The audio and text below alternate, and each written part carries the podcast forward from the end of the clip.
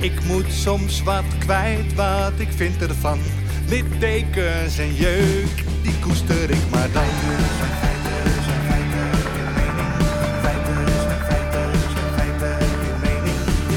Duidelijk en luid. Riemen vast vooruit,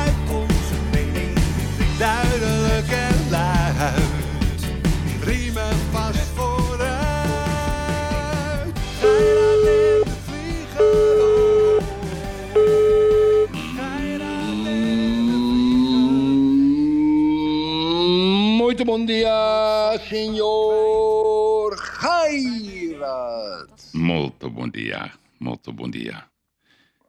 Jack Nicholson. Oranje boven. Jack Nicholson. Jack Wat is Nicholson. ermee? Jack Nicholson.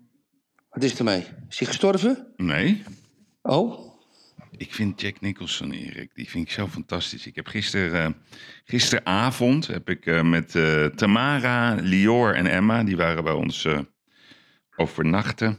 is Emma, die Italiaanse? Is de Italiaanse. Oké. Mhm, mhm. As Good As It Gets. Heb je die gezien? Ja, ja, fenomenale film. Is een oudje. is een oudje, ja, 97. Ja. Ik had hem nog nooit gezien. Dat, dat, dat gaat, hij, hij- kijk, hij is die obsessief, compulsive writer, Melvin Udall. Schrijft de meest waanzinnige boeken. Gespecialiseerd in, in iedereen te beledigen. Een beetje zoals jij. Dus hij, hij heeft ook iets van jou.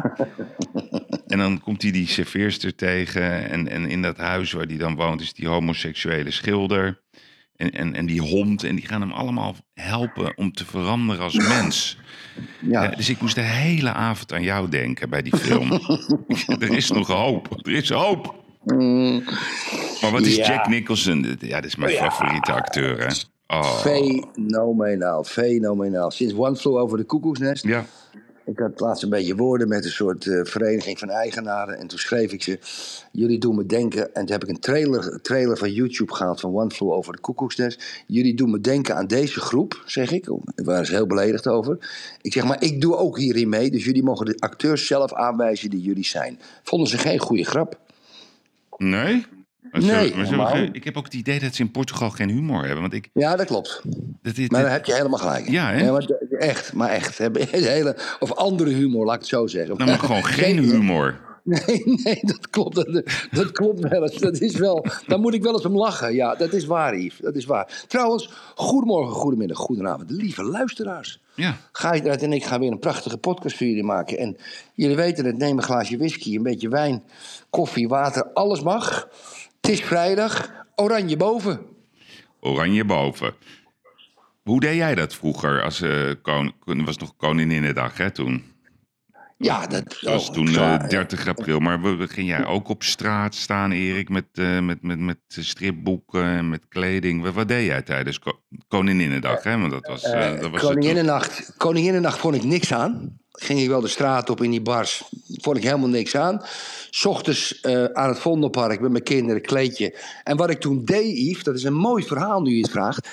Ik had natuurlijk dat, dat heb ik nog steeds, dat naaimachinebedrijf met mijn broer, industriële naaimachines. En dan hadden we altijd bakken vol met gekke naaimachine-accessoires. Van die stalen lampen. Weet je, we kochten wel eens een fabriek, maar de machines 30 jaar oud waren. En dan had je van die mooie stalen lampen. Ja, die gooiden we normaal weg, maar we hadden een doos bewaard. En dat soort dingen verkochten we. En het liep als een, als, als, als een trein. En, en daar ging ik de boot op. Met vrienden. Dat deed ik. En, en dan ging je... En jij? En wat ging je dan doen? Eh, zuipen en varen. Zuipen en varen, oké. Zuipen en varen. Nou, ik ging meestal eh, in de Beethovenstraat staan. Maar vroeger was Oh, het... Was, chic, was. Chic, chic, chic. nou, daar zat de handel, Erik.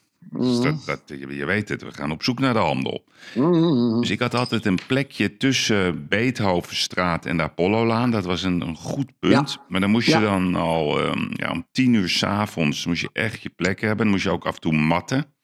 Ja, Want daar was vechten om de goede plek. En, Ja. eh, en dan begon de handel meestal om, om 12 uur s'nachts. En die ging dan de hele nacht door.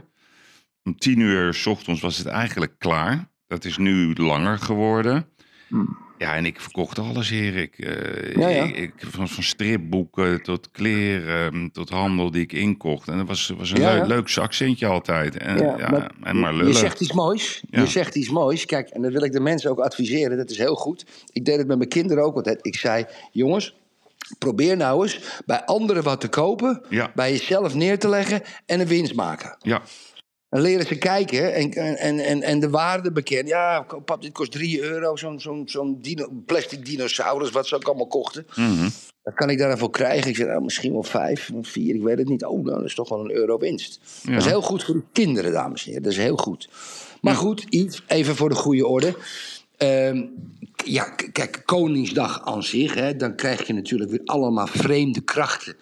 De Republikeinen, de mensen die er tegen zijn, de mensen die verbolgen zijn over het slavernijverleden, mochten met onze koning in gesprek. Maar Yves, kijk, even, even, de grote filosofische vraag. Hè. Moet zo- zo- Zo'n zo'n koningshuis. Ja, en, hè, daar wordt- daar wordt op zo'n dag allemaal over gepraat, terwijl het eigenlijk gewoon een normale feestdag is. Hè, jij schreef maar, is het nou een zegen of een vloek? ja. Kijk, ik, ik heb. Ik, ik zie mensen op social media, ik ben natuurlijk actief op social media, die zijn zegt dus anti het Koningshuis. Anti. Die willen dat niet, het kost allemaal te veel geld en het is belachelijk en dus weet ik veel wat. Maar diezelfde mensen zijn ook boos, ja, omdat Zwarte Piet is afgeschaft. Ja, omdat ze zeggen, ja, dat is een Nederlandse eh, eh, traditie. Dus dat, dat rijmt niet met elkaar. Heel veel mensen die boos zijn dat Zwarte Piet is afgeschaft, zijn boos omdat het Koningshuis ook bestaat. Terwijl ik tegen hun zeg, dat is toch ook een Nederlandse traditie. Het is een soort feestje. En geloof me nou, ik heb die jongen, die Willem-Alexander en het meisje, dat Amalia, dat heb ik gisteren allemaal een beetje in flarden bekeken. Wat een kutberoep zeg. Wat. Jezus. Maar dames en heren, dan moet je met drie afstammelingen van slaven... moet je jezelf nog een beetje, godverdomme, verontschuldigen. Ja, je wordt in de verdediging gedrongen als volwassen man van 56... tegen drie van die snotapen. Ja, misschien hebben mijn voorvaderen ook Willem de Eerste... ja, of weet ik wel, Hendrik de zoveelste... die hebben daar meegemaakt. En dan moet je jezelf verdedigen als mens. Ik vind het mensonterend vernederend. Dan moet je door de straat lopen. En dan moet je een soort dansje doen. En dan moet je een basketbal in een, in een basket gooien. Ja, kom op nou, wat een kutberoep, dames en heren. Ik wil voor geen goud, voor geen miljard per jaar met die mensen ruilen. Nee, maar wat ik, dus ik heb ze zien basketballen. Ik moet je zeggen dat Willem-Alexander mij onwaarschijnlijk heeft teleurgesteld. Hij is vrij lang, ja. Hij gooit niet goed. Nee, maar het is een houten klaas. Die gewoon zijn een- lantaarnpaal ingeslikt. Hij heeft een lantaarnpaal ingeslikt en hij gooide dus die bal. Hij had een vrij makkelijke positie en hij gooit hem gewoon mis. En die, een van die dochters, die staat op nou vijf meter, bam, in het netje. Ja. Nee, Ja, maar dat vind ik dan wel jammer dat hij eh, gewoon de basketbalsport heeft die gisteren gewoon vernederd. En Laten we eerlijk zijn. Ja, Dan- maar daar is helemaal niet over gesproken, Erik. Wij zijn een sportland. We hebben een cultuur waar we zeggen dat sporten belangrijk is. Dat vindt de koning ook. En dan staat hij daar voor dat netje en dan, hij faalt gewoon. Ja, dat neem ik hem dus kwalijk. Ja, maar goed, kijk, oh, lu- luister even. En je bent een serieus. Portugees geworden. Jij je hebt geen, Ja, ja, je hebt ik, geen humor ik, meer. ja, weet ik, weet ik. Ja, maar kijk, weet je, kijk, onze koning, hè, kijk, die heeft een taak. Ja. Ja. hè, die moet overleggen wekelijks met de minister-president. Die praat met ministers en staatssecretaris. Hij ondertekent alle wetten. Ja, hij ondertekent koninklijke besluiten. En wat hij ook nog doet, is belangrijk. Hij bekrachtigt internationale verdragen. En daarbovenop spreekt hij de troonrede uit. Dat is de taak van de koning. Ja, in, in, in, in de notendop. Dan hebben wij, Geirat en de Vlieger, gezegd... de koning heeft nog een taak. Ja, Ja? handel. En dat kost, handel. Dat kost ons 45 miljoen per jaar, of 60 miljoen. Er zijn al de meningen over verdeeld. Als je de groene draak meetekent, of mee, meerekent, of, of, of vliegen in een 737, weet ik van wat. Een schip in Griekenland en een huis, dat zal allemaal wel. Ja? Maar wij zeggen, eh, Willem-Alexander, Maxima, ja, die zich overigens met dat, met dat digitale betalingspaspoort bemoeit, moet ze ook niet doen. En Amalia, jullie moeten de wereld over reizen. En voor grote bedrijven en voor kleine bedrijven, voor de Nederlandse economie, handel naar binnen halen. Gewoon, een- en ondertussen mag je ook nog plezier hebben. Ja, moet je lekker zelf weten. In- maar. Je, dan moet je door de straat lopen met al die mensen. eh, eh, dat, dat kan toch niet? Dat is toch een clowneske. Ik zou het weigeren, Yves. Ik zou het weigeren.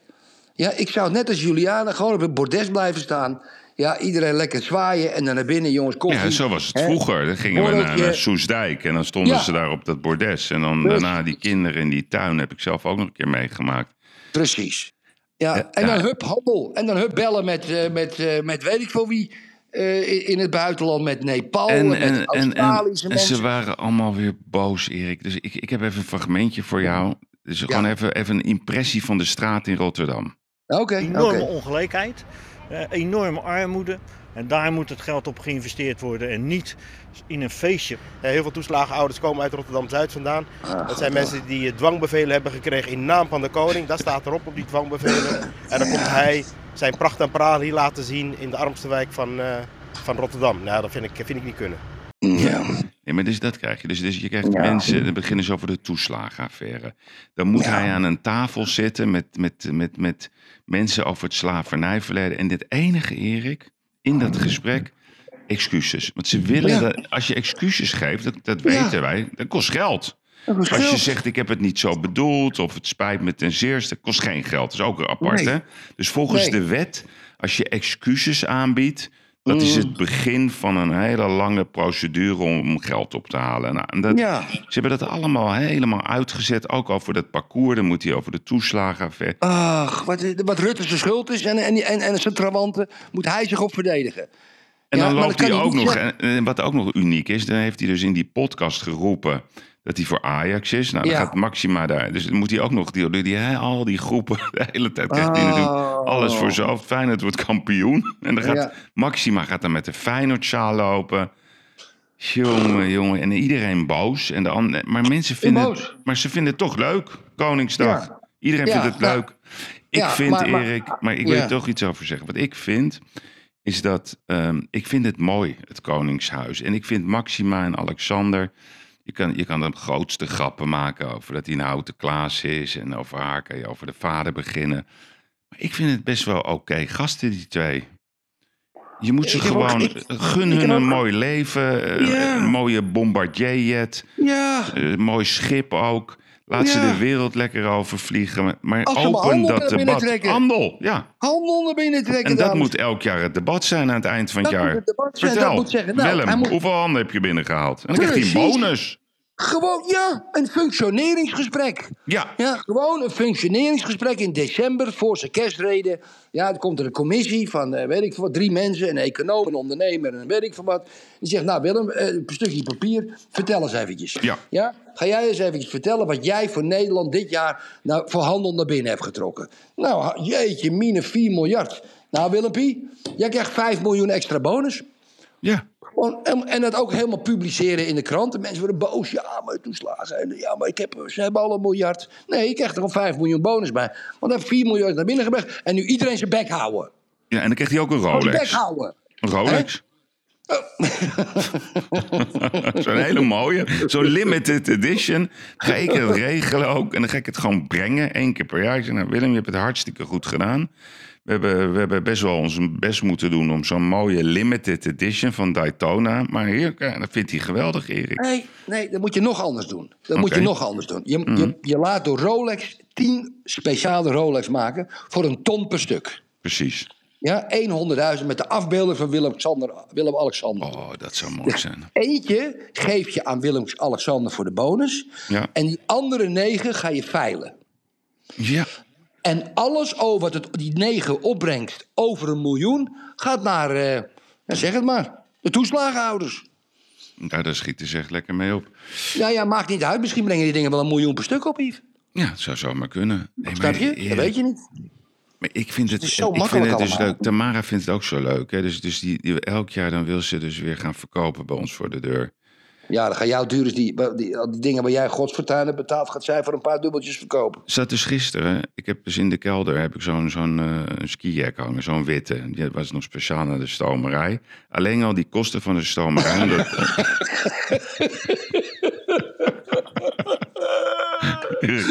dat kost al vier tientjes, ja. Dus, dat, dus ben ik heel gehecht aan die witte jas. Dat heb jij toch ook? Ik heb dat ding al twintig jaar. Ja, die Dus ik, eh, en ik, jongen, ik denk, we gaan, lekker, we gaan lekker de stad in. Nee, maar dat vinden ze leuk. En dan met de kinderen en fam- iedereen komt dan langs. Nou. Dus ik zie die jas hangen. En een, een of andere gozer, die, die trekt die jas aan met zijn ouders erbij. En, en dat was echt zo'n... Dus ik denk dat hij lid was van Extinction Rebellion. Maar goed, die gozer die doet dat, die jas aan. Dus ik zeg tegen Tamara, wat, wat doe jij nou? Ja, ja, die, wil jij toch niet meer? Ik zeg, nou, die wil ik wel. Ik zeg, eh, ik vraag Wat maar had je- 100 euro. Ja, ik had 50 gezegd. Dus die jongen heeft die jas aan. Nou, wat vindt u? Ik zeg, dat staat jou niet. Nee. Ik zeg, je ziet er niet uit, joh. Dat is die, die, die jas is wit. Ik zeg, en, en dat, dat, dat jouw gezicht is zo, nog witter dan die jas. Dus ik zeg, Ja. dat, dat moet je niet doen. Dus verkeer, oh, helemaal beledigd. Ja, Dus ja. ik was zo blij dat hij nee Ja, zei. Dus ik heb die jas weer teruggepakt en die hangt weer in de kelder. Ik wil die jas niet kwijt, Erik. En, maar heb je teruggekocht van Tamara zeker?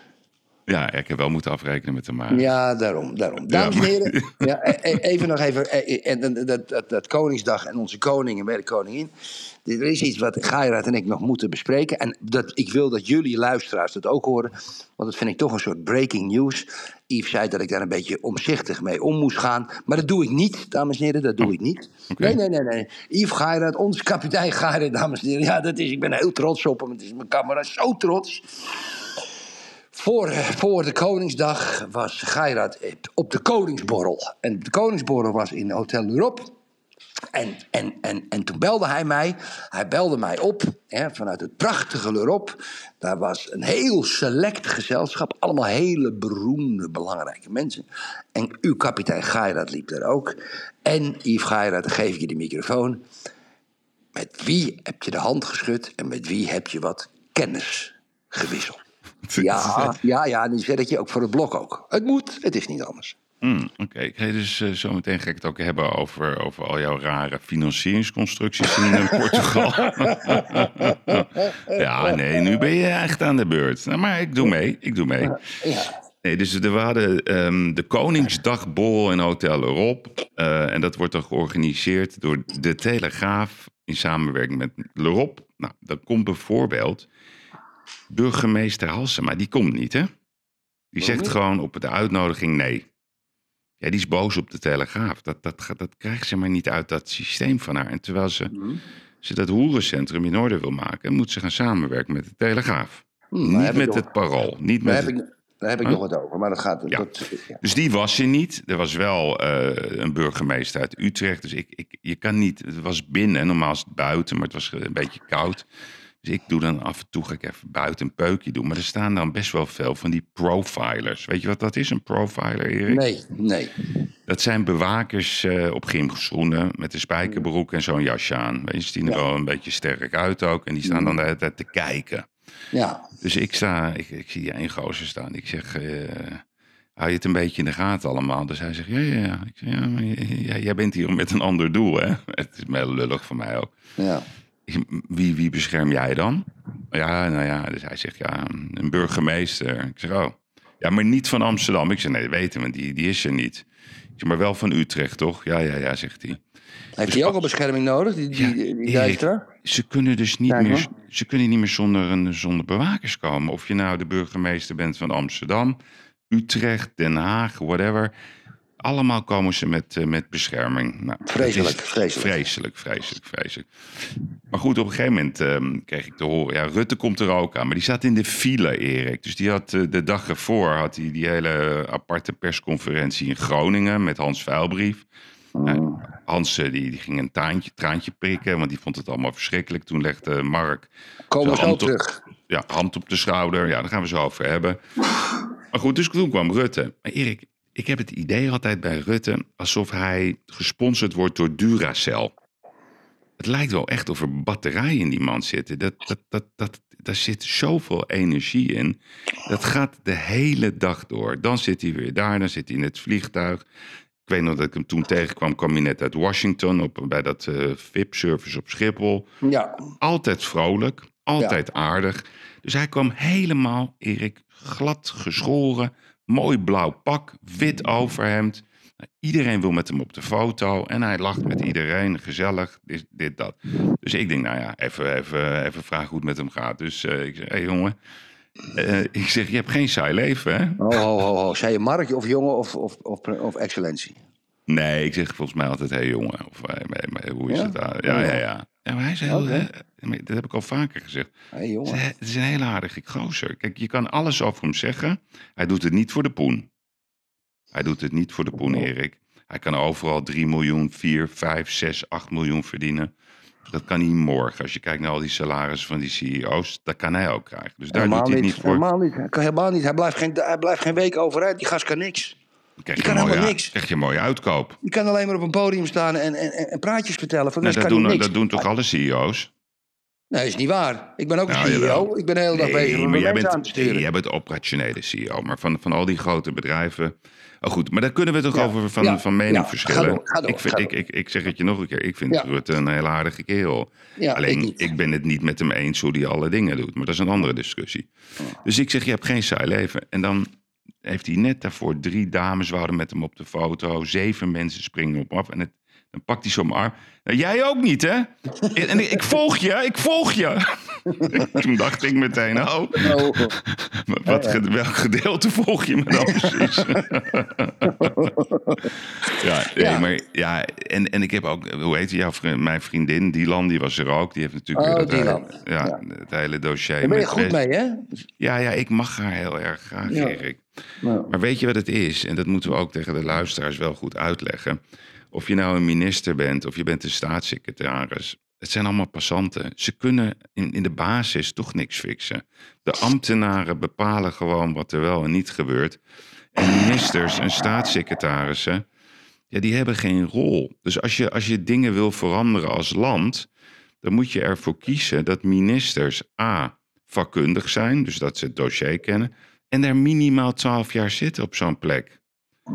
Wie heeft dat bedacht? Dat een minister, kijk naar Kaag, die, die weet echt helemaal niks van, van, van, van financiën. Dat, dat- dat is geen grap, dat weet jij, ik weet dat.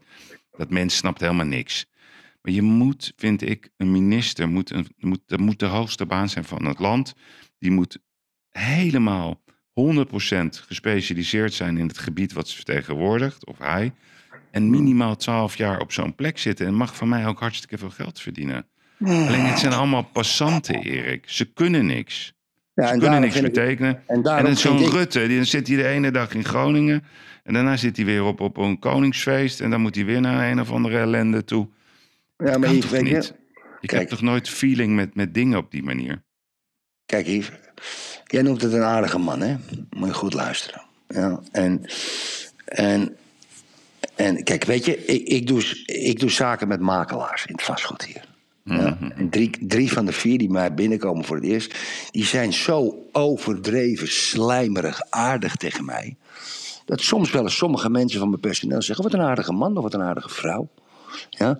Maar die, die proberen me gewoon met hun aardigheid in te pakken. Ja? Nou, dat vind ik dus geen aardige mensen. Ja? En Rutte, omdat hij dan aardig, en ik volg jou ook, en dan staat hij daar zo, dat, die drukt bij jou het knopje in van, oh, wat een aardige man. Ja? Maar dat zie je verkeerd. Dat zie je verkeerd. Je laat je inpakken, weer hè. Je laat je vaak inpakken de laatste tijd. Zal er met de leeftijd komen. ja, ja nee, ik- meteen. Ik, ik, ik, ik dacht, handel, dacht ik, handel. Ja, dat is, ja, maar dat is goed. Ja, maar dat is goed. Ja, Ja, maar als je nee. aan de handel denkt, Yves, dan kan je, dat, dat vind ik fantastisch. Nee, nee, maar ik heb, ik, ik, ik bedoel, ik weet nog dat hij toen bij mij op de beurs eh, op het podium stond met Jort Kelder. Nou, dat was nog de jonge Rutte, is al, nou, twaalf jaar geleden, weet ik veel hoe lang geleden dat is. Ik heb het altijd een aardige man gevonden. En ik, ik zeg je nogmaals, hij- die man doet zijn best, alleen hij heeft geen feeling met de maatschappij.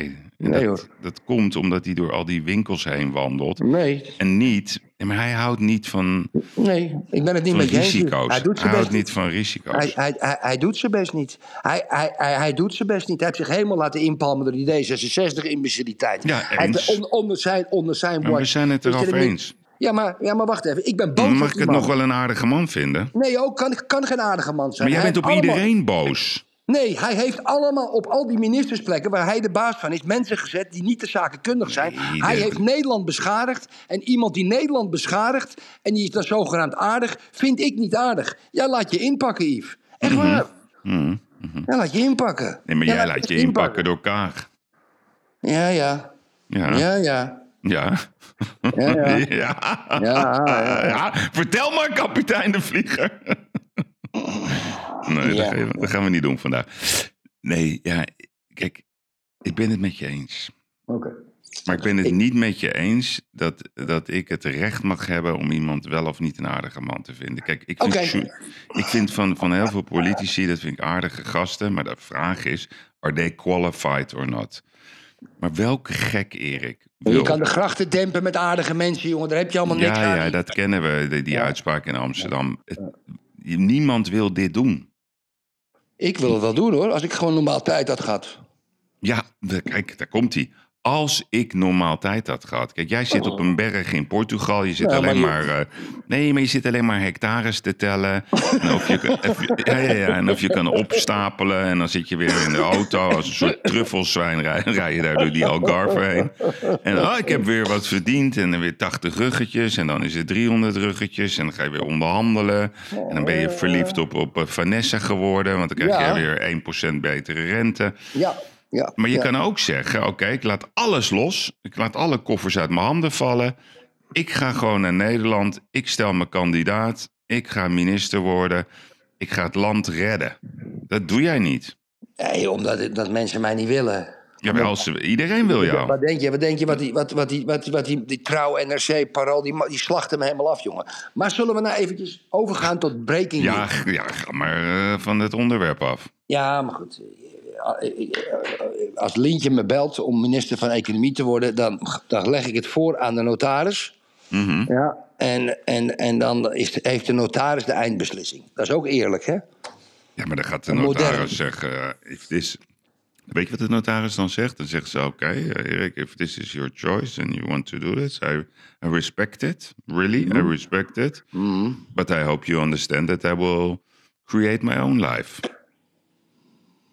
Zo zijn we niet getrouwd. Nee, dat weet ik. De vrouw, ze moet wel doen wat ik zeg. Ik ben een man. Oh, oké. Ja, het is in de gender. eh, ja, we, we zijn geen zelfde genders. Kom op nou. Ah, nee, oké, precies. Dat doen we Nee, niet maar, aan. Zo modern ben ik niet. Ik ben geen Nee. D66. maar dan hoor je wel een beetje in het, in het kamp van Schimmelpenning. Hè? Want die is gecanceld. Hè? Dat was, eh, we hebben het nu over man-vrouw. Dus, eh, dus, dus het debat over inclusiviteit, Erik, moet je goed luisteren. Dat gaat We als hebben momenteel ehm, allerlei discussies over inderdaad ongelijkheid en mensen die aan de top zijn eh, en diversiteit en inclusie. En daar begeef ik me steeds meer in. Maar ik merk dat Geen daarin eh, heel, heel erg wordt gehecht aan symboliek en aan eh, inderdaad lichamen turven. Dus zolang er maar meer dilada's o- in de top komen, is Ja. het probleem opgelost. Ehm, maar er wordt daarmee voorbij gegaan aan het feit dat gewoon dat hele systeem, dat die hele lift eigenlijk problematisch is. Het Ja. probleem is dat we dus heel erg bezig zijn met hoe krijg je mensen binnen de muren van een, eh, van een kamer, een onrechtvaardige kamer, en niet hoe ga je die muren afbouwen. En het lichaam dat je hebt, eh, dat bepaalt dus of jij be- mag meepraten over het aankaart van onrechtvaardigheid. Dus zo iemand als Sander Schimmelpenning, die is bij voorbaat al eh, ongeloofwaardig, want hè, van adel. Dus die kan het niet gaan hebben over de kloof, inkomensongelijkheid, vermogensongelijkheid, want ja, hij is van adel. Eh, en dat is wat ik heel erg veel zie gebeuren in de samenleving als het nu gaat om het aankaarten van onrechtvaardigheid. Ja. Eh, en dat vind ik heel erg spijtig. Nou, Ja, dus dat ik- is zo'n meisje, dat is zo'n meisje Ja. die daar Ja. praat, die Ja. drie keer per week in een vliegtuig zit. Ja, om, eh, om lezingen bij te wonen te- voor het, het veranderende klimaat. En zegt, ja, maar ik mag wel vliegen, want ik doe iets voor het klimaat. Ja, Ik precies. neem, En, wel, ik neem hem nu wel op voor Sander. ja, nee, ik ook. Hm. Dit is onze nieuwe vriend, Erik. We hebben Sander is- eindelijk... Ja, we gaan fuseren. Sander is van adel en Sander moet beschermd worden. Ja, nee, maar hij mag dus helemaal niks zeggen. Want hij Nee. heeft namelijk heel veel privileges gehad in zijn leven. Hij moet trouwens ook excuses aanbieden. Zeker, zeker. Ja, en voor alles. Alles. Dus jij, Erik, jij mag helemaal niet praten over ongelijkheid. Want jij bent een geprivile- geprivilegeerde ondernemer uit Portugal met veel te veel vastgoed. Ja? Je hebt auto's, je hebt Nou. zon, ja? je hebt ook te veel kinderen. Want dat is ook niet eerlijk. Ja? Want ik heb ook gehoord dat jouw sperma beter is dan de gemiddelde Nederlander. Dat is ook niet eerlijk. Dat heb ik ook gehoord, ja. Ja, dus jij kan helemaal niet praten over al dat soort ingewikkelde onderwerpen waar we het over hebben. Oké, oké. Ja, Ja, oké. ik kan Nou er niks aan doen. Weet je, het meisje heeft gesproken. Ja, ik vind die bekakters, die, die, die, die- in- je, je ziet als je een café, binnengaat in Amsterdam in de pijp, praten al die meisjes zo. Allemaal. Alle, ze hebben allemaal datzelfde accent. Ik weet het niet. Die komen uit Zeist, die gaan studeren. Papa koopt een appartement. Dat mag allemaal natuurlijk. Ik vind het allemaal prima. Koopt een duur appartement en dingen. Gaan ze, en dan zie ik ze allemaal. En ik, ik, ik ga geen waardeoordeel geven dat ik het. stom mag bewijs- ook niet. Dat mag jij niet maar, doen. Maar ze hebben allemaal, allemaal hetzelfde accent. Maar allemaal. Ja. Ik vind het ook niet opwindend. Jij? Met zo'n Nee, rollend erretje. Zal ik even. Eric. wat, wat vind jij wel dan een opwindende stem? Uit welke streek in Nederland? Haagse, een echte Haagse vrouw. Ja?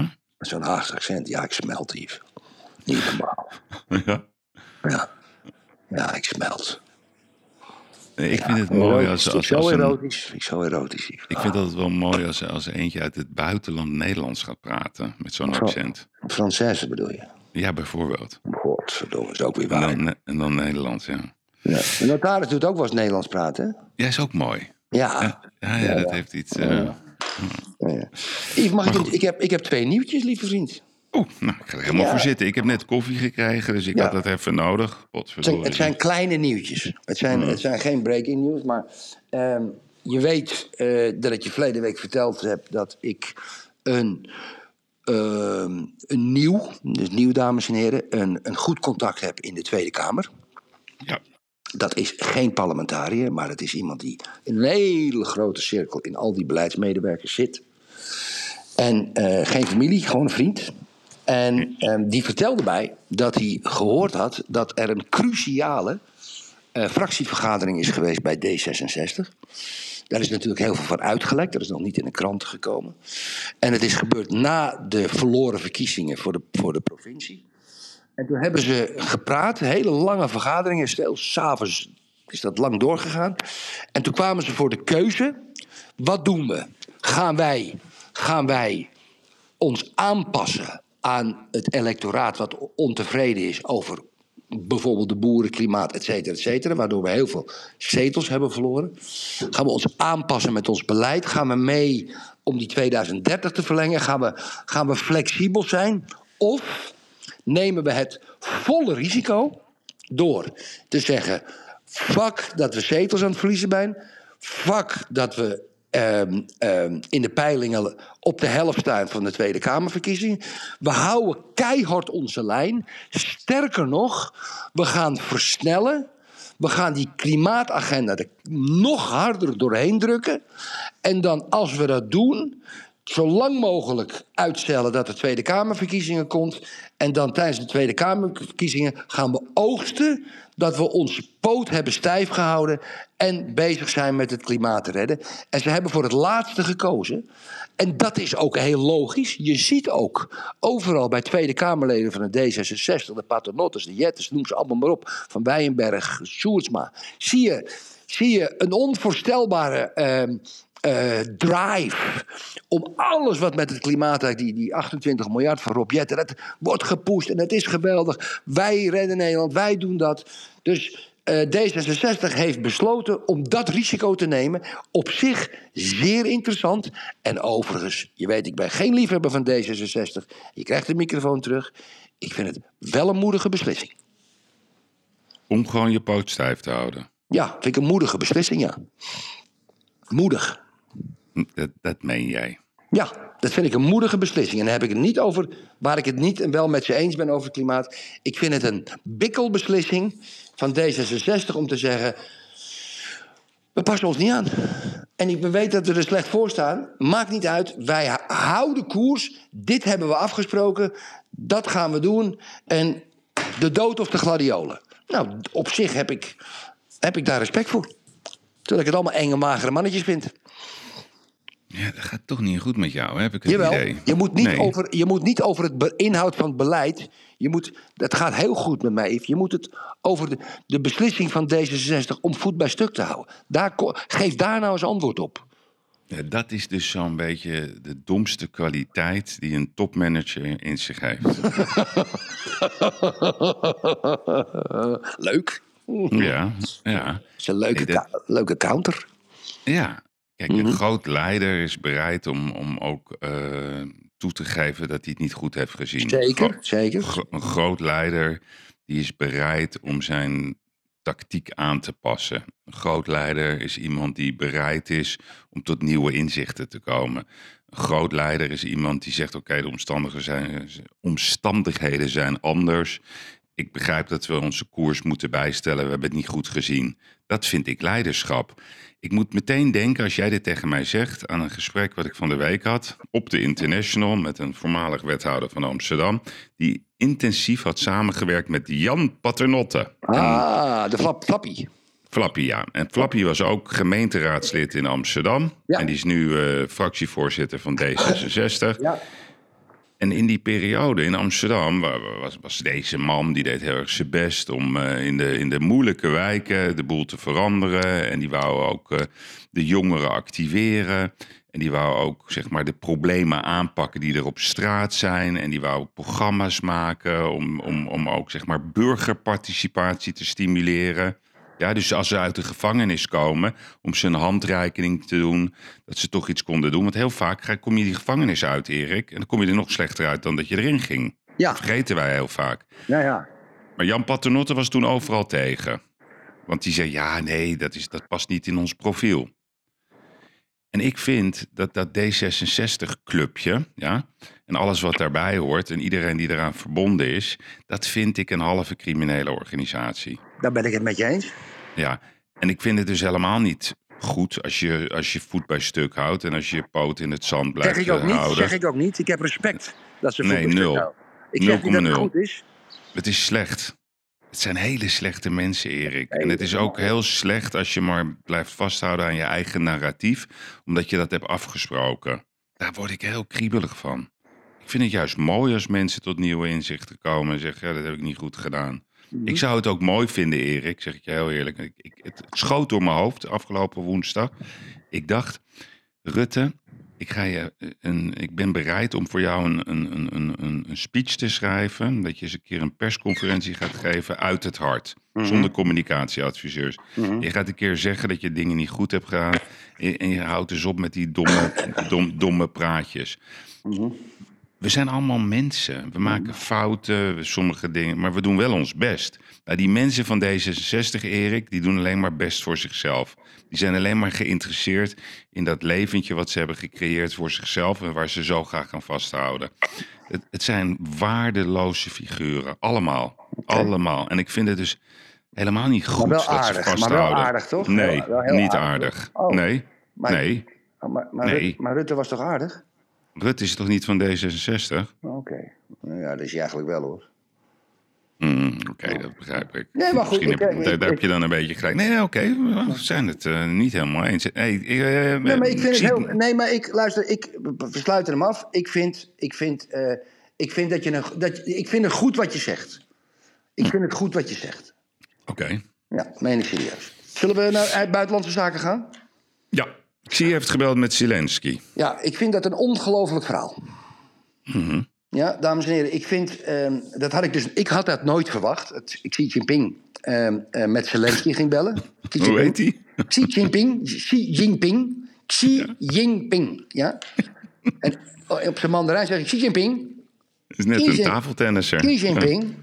Ja, en kijk, dames en heren, ik, ik, we hoeven ook allemaal niet uit te leggen hoe dat zit daar in Oekraïne. Maar dat Xi gebeld heeft met Zelensky vind ik uniek. Daar kan je allerlei dingen aan verbinden, conclusies aan verbinden. Maar eh, jullie weten, ik, ik let altijd vrij goed op op Twitter. En ik was ehm, met grote interesse aan het wachten eh, dat Zelensky een tweet zou geven over Xi Jinping. Ja? En tot mijn vreugde deed Zelensky dat. En die tweet ga ik, dames en heren, aan u voorlezen. Dus dat is Zelensky. I had a long and meaningful phone call with President Xi Jinping. Goeie zin. I believe that this call, as well as the appointment of Ukraine's ambassador to China, hallo, will give a powerful impetus, impetus is een drive, een, een kracht, to the development of our bilateral relations. Nou, die tweet, hij zegt dus niets over Rusland. Hij zegt dus niets over een vredesproces. Hij zegt dus niets over een oorlog. Hij zegt dus ook niet dat Rusland zijn land heeft invaded. Ja? Maar hij, blijft, hij geeft eigenlijk een hele prachtige opening aan de wereld. Dat we ook normaal kunnen communiceren. En ik moet één ding zeggen. Ik vind dat onwaarschijnlijk knap van Xi Jinping. Ik meen het serieus. Ik ben diep onder de indruk. Ik vind het een hele goede beslissing. Ik, het, het, het is zelfs een, een sprankje hoop, heb ik, dat hij dat gedaan heeft.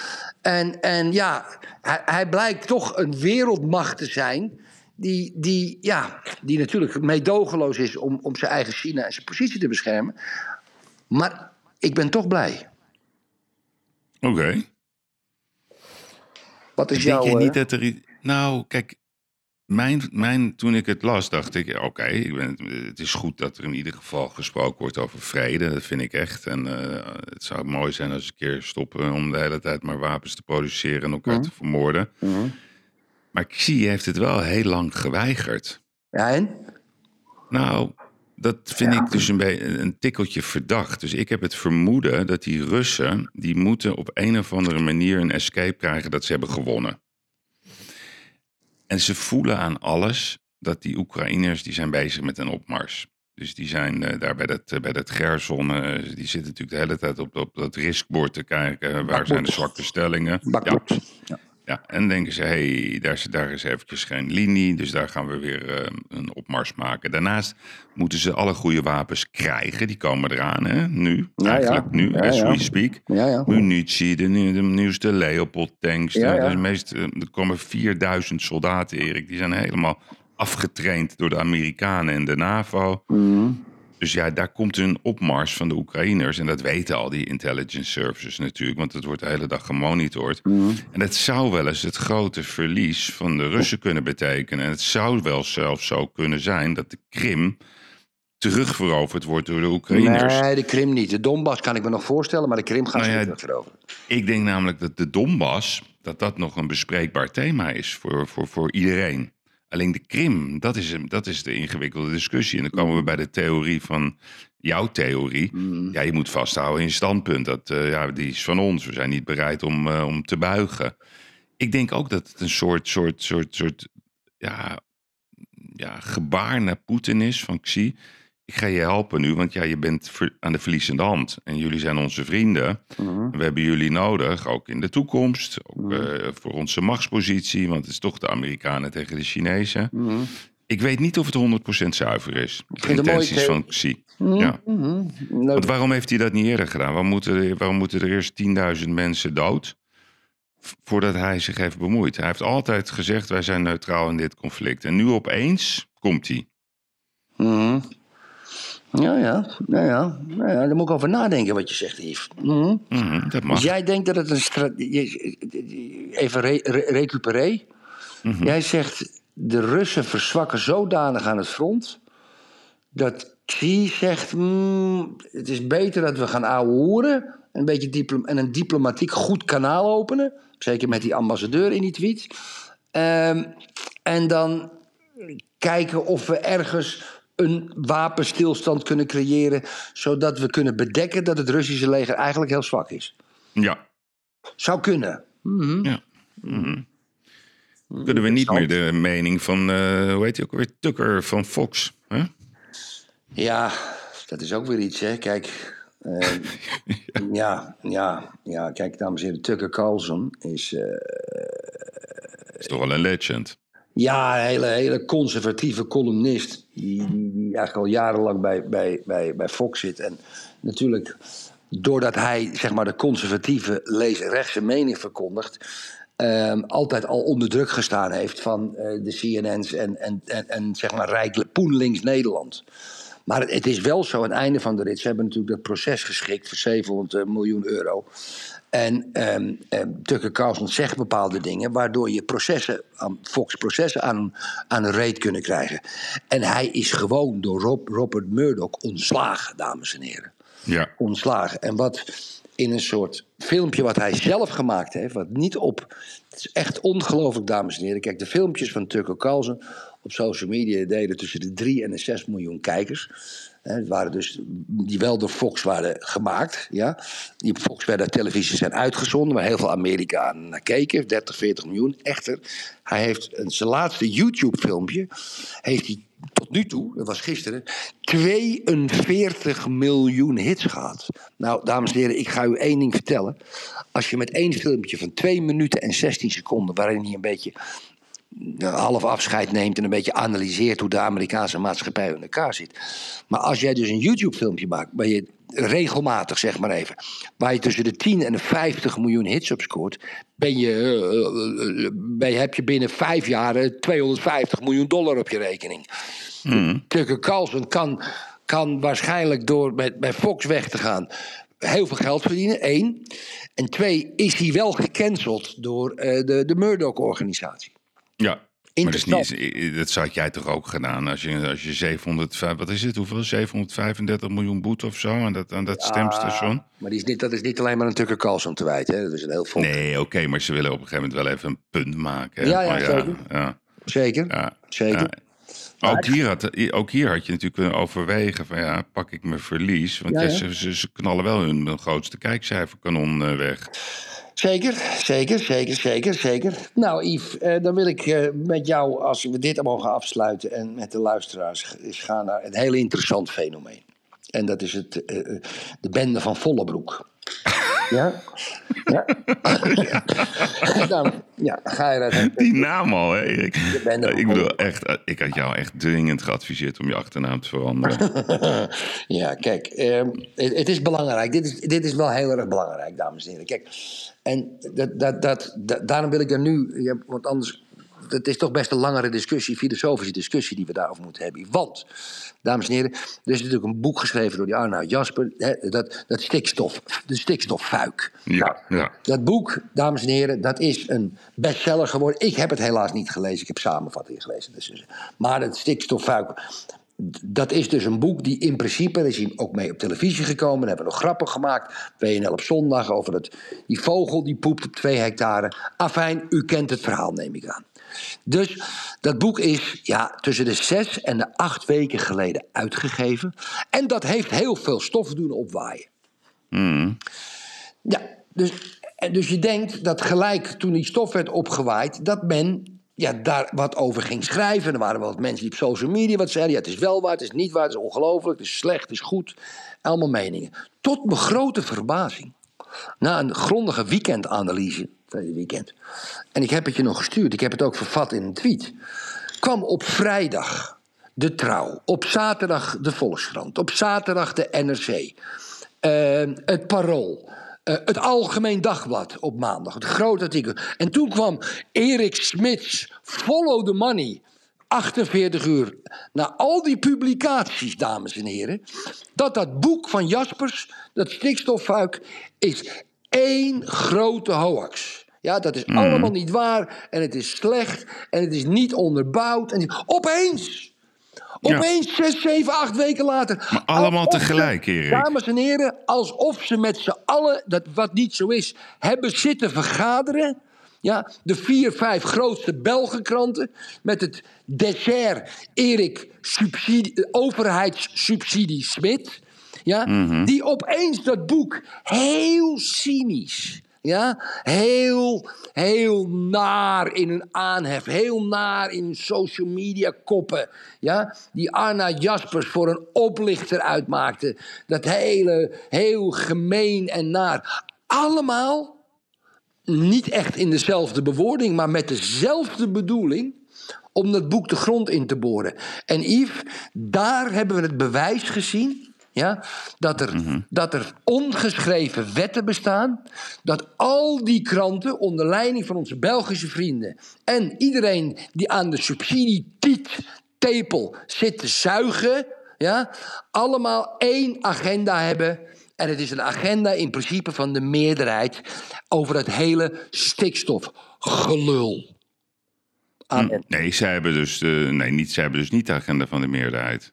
Nee, de min, Ze hebben- ze, hebben de, ze, hebben de, ze, hebben de, agenda van de minderheid, zei ik. Ik zei toch Oh, minderheid? oké, ook Ja, verstond nee. meerderheid. Nee. Oh, dat weet ik niet. Ze Nou, zijn dat, de eh, minderheid, maar ze hebben ook de agenda van de Ja, minderheid. oké, maar wacht even voor, voor, voor dit is een mooi, mooi verhaal dit. Dus laten we eventjes even de naam en de rugnummers eh, benoemen. Dus we hebben Arnoud Jas, Jaspers, die schrijft dus een boek, eh, dames en heren, over de stikstoffuik. Ik heb het ook niet gelezen. Het, het, eh, het staat op één in de bestseller 60. Nou, dat vinden sommige mensen heel irritant. Ja, Als er succes is. En vooral Vollebroek, die kan dat niet uitstaan. Die, was, er- die werd ook geïnterviewd door eh, Pauw, die gingen daarop af. En het enige wat hij zei, dat het oplichting is, dat Ja. het allemaal, eh, dat het een misleid, alleen maar algemeenheden. Echt Ja. onderbouwen Nul. deed hij het niet. Nul. Gewoon nul. Maar ik denk ook, Erik, Vollebroek is jaloers op Arno Jaspers. Er zit een diepe jaloezie, want hij denkt, ja wacht eens even. Hij gaat mijn baantje afpakken, want ik ben Oh. al heel lang het geweten van Nederland.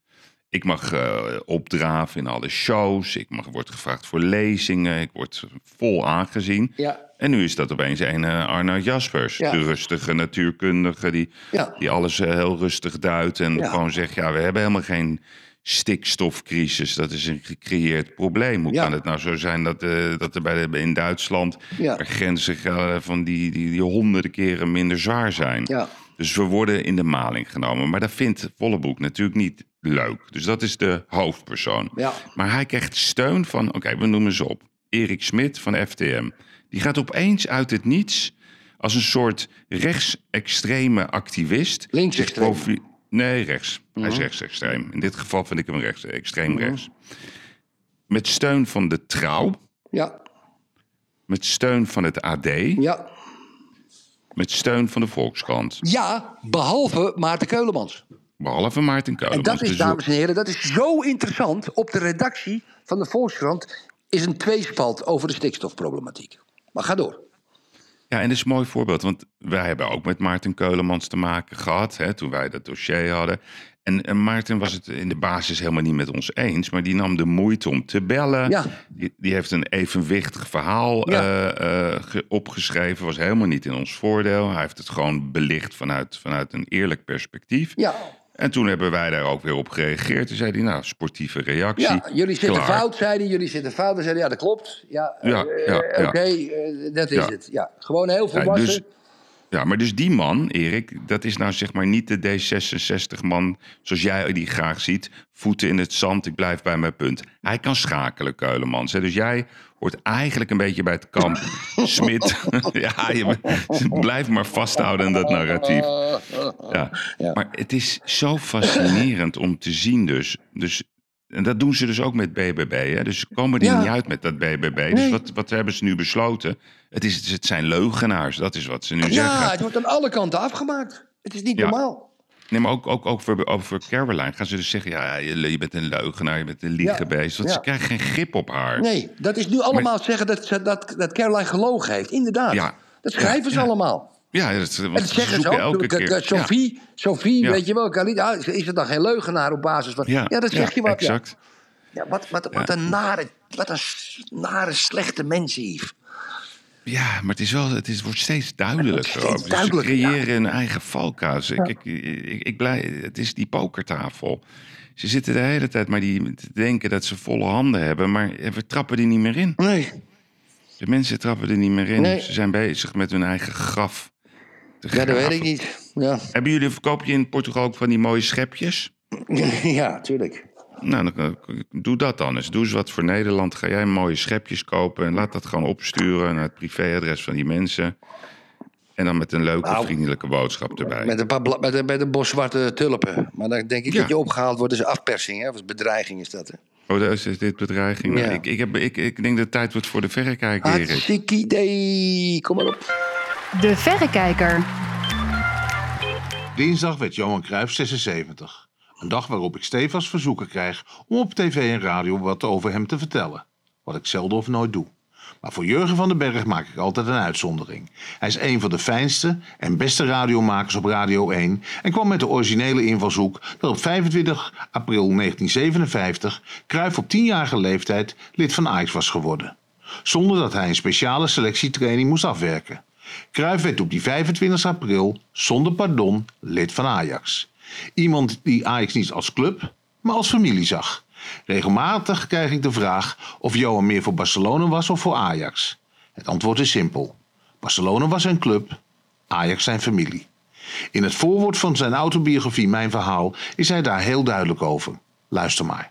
Toen ik op 12-jarige leeftijd mijn vader verloor, is mijn opvoeding door Ajax bepaald. Eerst door mijn tweede vader Henk Angel, die terreinknecht bij de club was, later door mijn trainers Jannie van der Veen en Rinus Michels. Dankzij Ajax leerde ik niet alleen hoe ik beter kon voetballen, ook hoe ik me moest gedragen. Verder in mijn verhaal gaat Cruijff daar dieper op in. Ik heb in mijn jeugd alleen maar liefde gekend. Thuis, maar ook bij Ajax. Dankzij mijn tweede vader Henk Angel en mijn jeugdtrainer Jani van der Veen, die naast het voetbal mij ook normen en waarden bijbracht. Vanuit de voetballers omvermde Piet Keizer zich over mij en ook met Rinus Michels heb ik een speciale band. Hij was de man die na het overlijden van mijn vader mij naar de dokter bracht omdat, we thuis geen vervoer meer hadden. Er zijn later minder leuke zaken tussen Rinus Michels en mij gebeurd, maar die hebben nooit het beeld kunnen verstoren van de man die er voor mij was toen ik hem als kind nodig had. Daarom weet ik nog als de dag van gisteren dat Johan Cruijff me na de wanprestatie van Ajax tegen Real Madrid belde. Woedend klonk het door de telefoon. Ik laat het erfgoed van Jannie van der Veen, Rinus Michels en al die anderen niet kapot maken. Dat was dus het begin van de fluwele revolutie. Door tegenstanders van Cruijff met politieke saus overgoten, maar niets is minder waar. Johan was in zijn hart geraakt en zag als kind van de club hoe zijn familie uiteen werd gereten. Het terugbrengen van oud ajax op sleutelposities binnen de club was de eerste stap. Daarna volgde het herstellen van de huisregels met, als met de opleiding als levensader.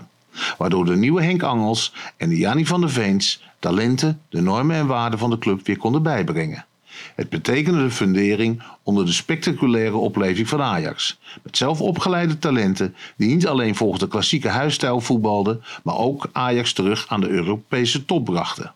Intussen werd het eigen vermogen tot ver boven de 200 miljoen getild. Ruim twee jaar na de fluwele revolutie en zeven jaar na de dood van Cruijff lijkt Ajax weer terug naar af. Hoe ver de club van de bron is weggedreven, merkte ik vorig jaar al in mei. Voor het eerst sinds mensenheugenis was er niet één jeugdteam kampioen geworden. Nog, schrijnender, nog schrijnender was dat de alarm, alarmbellen niet massaal waren afgegaan. Om nog haakser op de door Cruijff aangescherpte clubfilosofie door te stomen. Nadat de opleiding door de ondergrens was gezakt, werd er ook nog fors en lukraak ingekocht en is het opgebouwde vermogen weer geslonken. Om over het familiegevoel van Johan Cruijff maar te zwijgen. De huidige RVC komt vooral uit de hockey- en marketingwereld, terwijl oud-voetballer Jan van Hals niet bepaald een kind van Ajax is.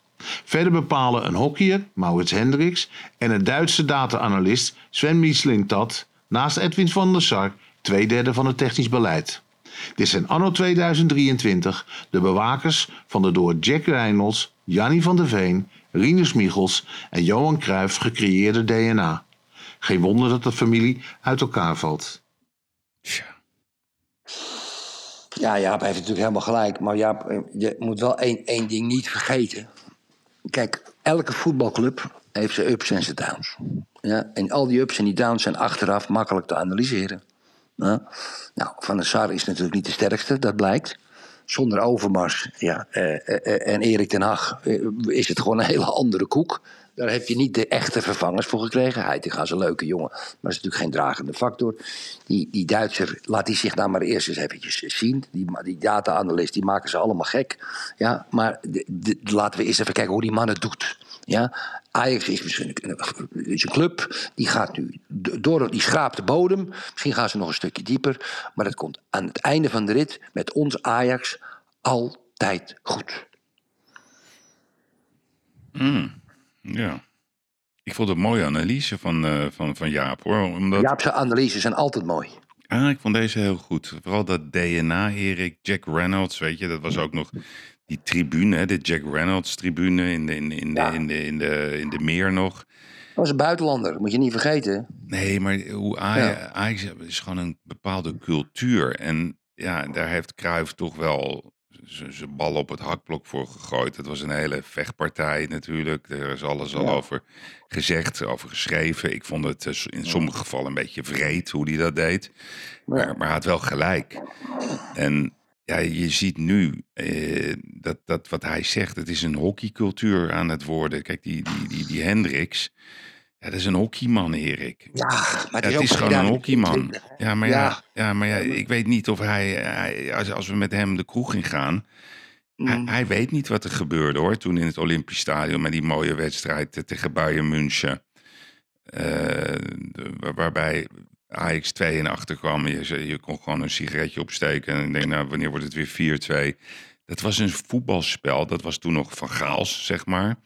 Alleen de, de, de Ajax-cultuur, wat staat voor durf, voor moed, voor ambitie, voor Amsterdamse bluff, voor schooierachtig gedrag, anders durven zijn. Ja, het is nu, ze zoeken alles nu in de data, Erik. Maar data is niet, eh, is niet bepalend hoe het voetbalspelletje werkt. Voetbal is, Nee, kijk- eh, ze doen net als voetbal heel ingewikkeld spelletjes. maar- Aan het maar eind van de streep gaat het gewoon dat je, dat je die wedstrijd gewoon wint met, met voetballers.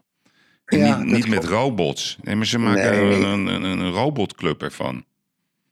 Nee, nee dat, is niet, dat geloof ik niet. Ik denk dat je in 2023 met die data.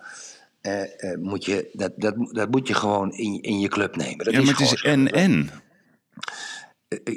Na Den Haag ja, he- hebben ze Sties Schreuder aangesteld. Ja, dat, was natuurlijk, dat was natuurlijk verschrikkelijk. Daar heeft Ajax ook nog het ongeluk gehad dat Overmars lul aan andere mensen moest laten zien.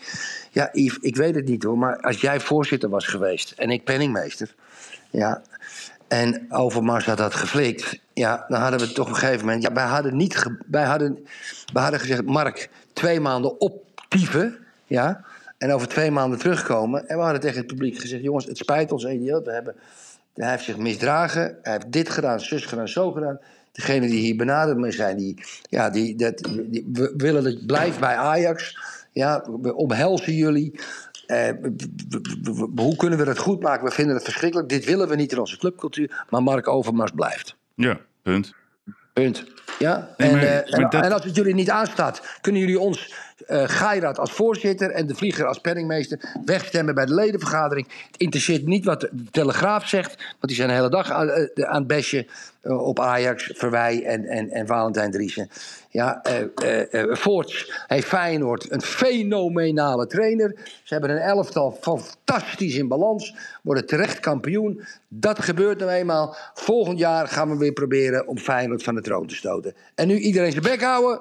Hup, we gaan weer door. Ja, Ja, nee, maar even, het. ge- even Feyenoord het- vergeten. nee, maar het Feyenoord. Feyenoord is knap hoe ze dat doen. En dat hebben we al honderd keer gezegd. Dus dat, dat vinden we ook. En ik vind AZ ook abnormaal knap hoe ze dat hebben gedaan. Die winnen Zeker. gewoon zelfs die Youth League. Ja? Alsof het Nou, de normaalste zaak van de wereld is. Dit is niet normaal wat AZ gedaan heeft. Niet normaal. Nee, niet normaal. Maar als je dan gewoon kijkt naar Ajax, als je de namen en de rugnummers pakt, en dat is wat Jaap ook zegt. Kijk, het, het is die data-analyst. Maar dan ook als je kijkt naar de, de nieuwe voorzitter van Ajax, is die Pier Eringa. Nou, ik ken de beste man niet. Alleen, hij komt van de, van de stichting Open Nederland. Nou, daar zijn nog steeds die... Ja, maar ja, goed, met alle respect, Erik. 5,1 miljard bonnetjes. Ja, waar zijn ze dan? En dan kan je wel zeggen, ja, daar heeft hij niks mee te maken. Maar hij was het wel. En hij heeft dan een ziekenhuis gedaan. Schijnt hij ook allemaal fantastisch te doen. Maar dat wil je toch niet? Je wilt toch niet dat de voorzitter van een, van een club met zo'n historie... gewoon helemaal geen Ajax-verleden heeft. Op welke manier dan ook. Er zijn toch wel betere kandidaten te vinden? Ja, zeker. Ja, en dan, en dan eh, zijn allemaal dames eh, die, die zeg maar in het bestuur zitten. Want het is allemaal inclusief, want het is een beursgenoteerd bedrijf. Eh, Dat is gewoon... Het is Ja, ja. gewoon, een- het is die cultuur dat ze bang zijn om fouten te maken. En als, wat is nou het succes van Ajax geweest? Dat we niet bang zijn om fouten te maken. Dat is nou die historische uitspraak van Cruijff. Als je, als je wil winnen, als je wil scoren, moet je schieten. En niet dat tikkie breed. Het is weer die tikkie breed mentaliteit. Ik wil geen fouten maken. En Ja, ja. die angstcultuur, die is geslepen in, op een hele zachte manier binnen Ajax. Better, better safe than sorry. Ja? En ik, Ja, dat is niet mijn, mijn, mijn manier van denken. Het is Juist. de dood of de gladiolen, Erik. Dat vind ik, een, eh, dat vind ik gewoon mooi. Gewoon risico's nemen. Anders durven zijn. Ik mis het. En ik zie het ook niet veranderen. Kijk, jij zegt, oh ja, weet je, een jaartje, we slaan over en we komen wel terug. Maar je gaat toch niet weer 200 miljoen verbranden, wat je hebt opgebouwd? We hebben wel gewoon 100 miljoen eh, weggegooid, hè? Gewoon in het riool. Weg, bam. Ja. Oké, nou we sluiten deze af. Ik Ja. vind wel, ja, dat, je, hebt wel, je hebt wel een groot punt, houden. Hm. Je bent scherp op vrijdag. Wat is dat allemaal? ja, dat is toch die zuurstoftank. Ja, en je moet bij Ongehoord Nederland gaan werken. Jij. Ja? Ja, dan moet jij gaan werken als commissaris. Ik denk niet dat. ehm, kijk, ze, ze doen er ook daar weer geld. Hè? Er wordt maximale druk uitgeoefend. Ma- Oh. maximale druk. Niet En, en uiteindelijk moet dan eh, Gunay Oesloe, die moet dan de stekker eruit trekken. Maar dat wil ze helemaal niet, Erik. Nee, natuurlijk niet. Natuurlijk maar- Zij, er wordt op de achtergrond wordt er zoveel druk uitgeoefend. Door ambtenaren, de deurtjes gaan dicht. Ze willen er alles aan. Ja, ja, ja. Dat, dat, Media. eh, ja, dat al- Nederland ja, moet moet, kapot. Moet kapot. Ja, maar, Alleen, maar luister nou. dat is toch maar gewoon. Nee, maar Erik, ik wil het toch even met jou over hebben. Dan schakelen. Ik weet niet of u, of u dat gevolgd heeft. Dan wordt Pointer ingeschakeld. Die heeft dan een jaar lang of zo dit programma bekeken. En dan maken ze een heel verhaal van. Mhm. 69 keer dit en 80 keer zus. En kunstmatige intelligentie. Gooien allemaal containerbegrippen eh, voor de bus. Maar als wij deze analyse zouden loslaten op twee jaar op één. Ik zou bijna een beroep willen doen aan de luisteraars. Ga ze even twee jaar op één analyseren tijdens eh, corona. Er was geen ruimte voor een ander geluid. Nee. Er was geen ruimte voor een debat. Ik weet nog vanzelf wat ik een moeite heb moeten doen om daar aan tafel te komen. Om even uit te leggen dat onze sector niet gesloten moest worden. Ik heb alles uit de kast getrokken. Nou, gelukkig Mhm. Ja, mocht ik met er zitten. Met succes. Met, Met- succes. Ja, met succes, ja. Ja. Maar gewoon Ja. voor een normaal verhaal. Ik kan gewoon een normaal verhaal vertellen. Waarom moest het terrassen dicht? Het sloeg ook allemaal nergens op. Nee, pointer, pointer. Kijk, als ik even wat mag zeggen. Ik, ik, je hebt gelijk, ja? Kijk, maar, maar ik ben goed door dat pointer...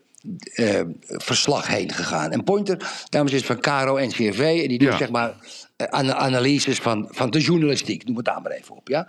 En toen, toen, toen kwam ik op een passage...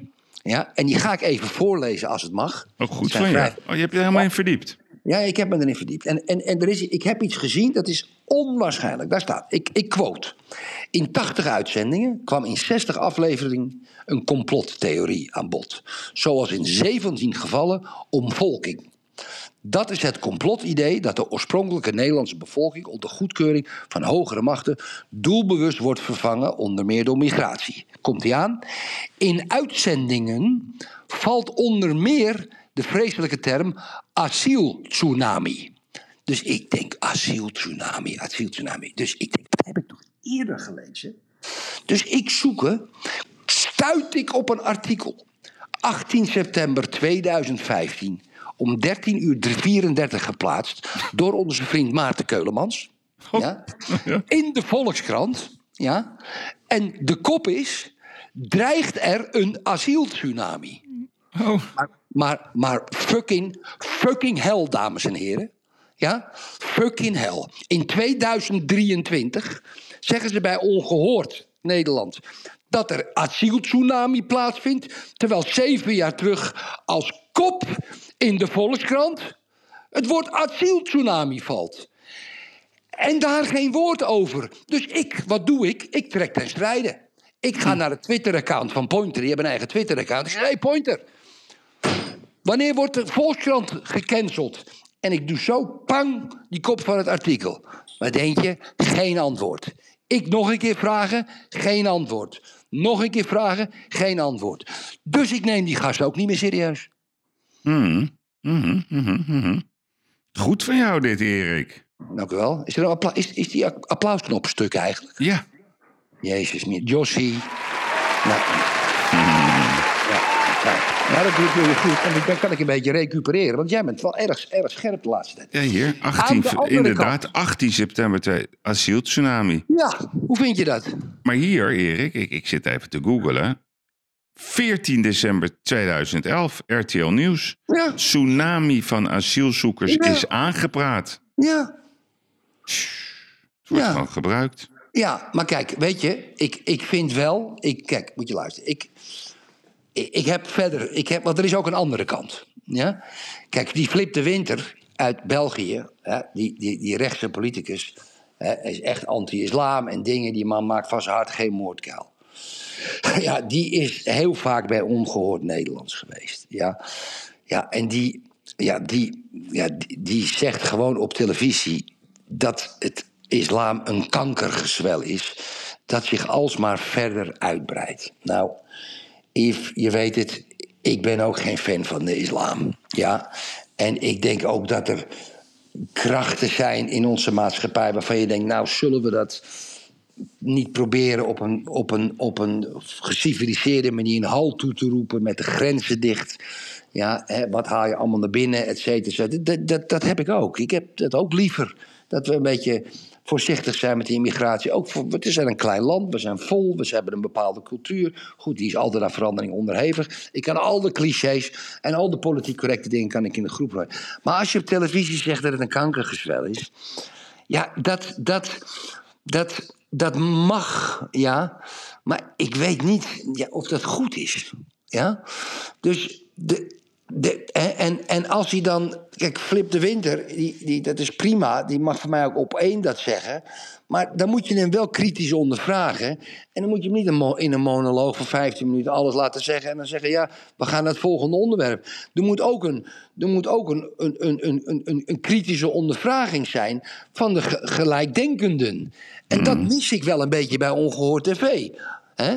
Dat, ja, oké, maar wacht even. Ja, ja, oké, maar Ehm, kijk, het is toch normaal dat als jij dit soort programma's maakt, dat je fouten maakt. of dat je even niet scherp bent, of dat je even niet de goede tegenvraag stelde.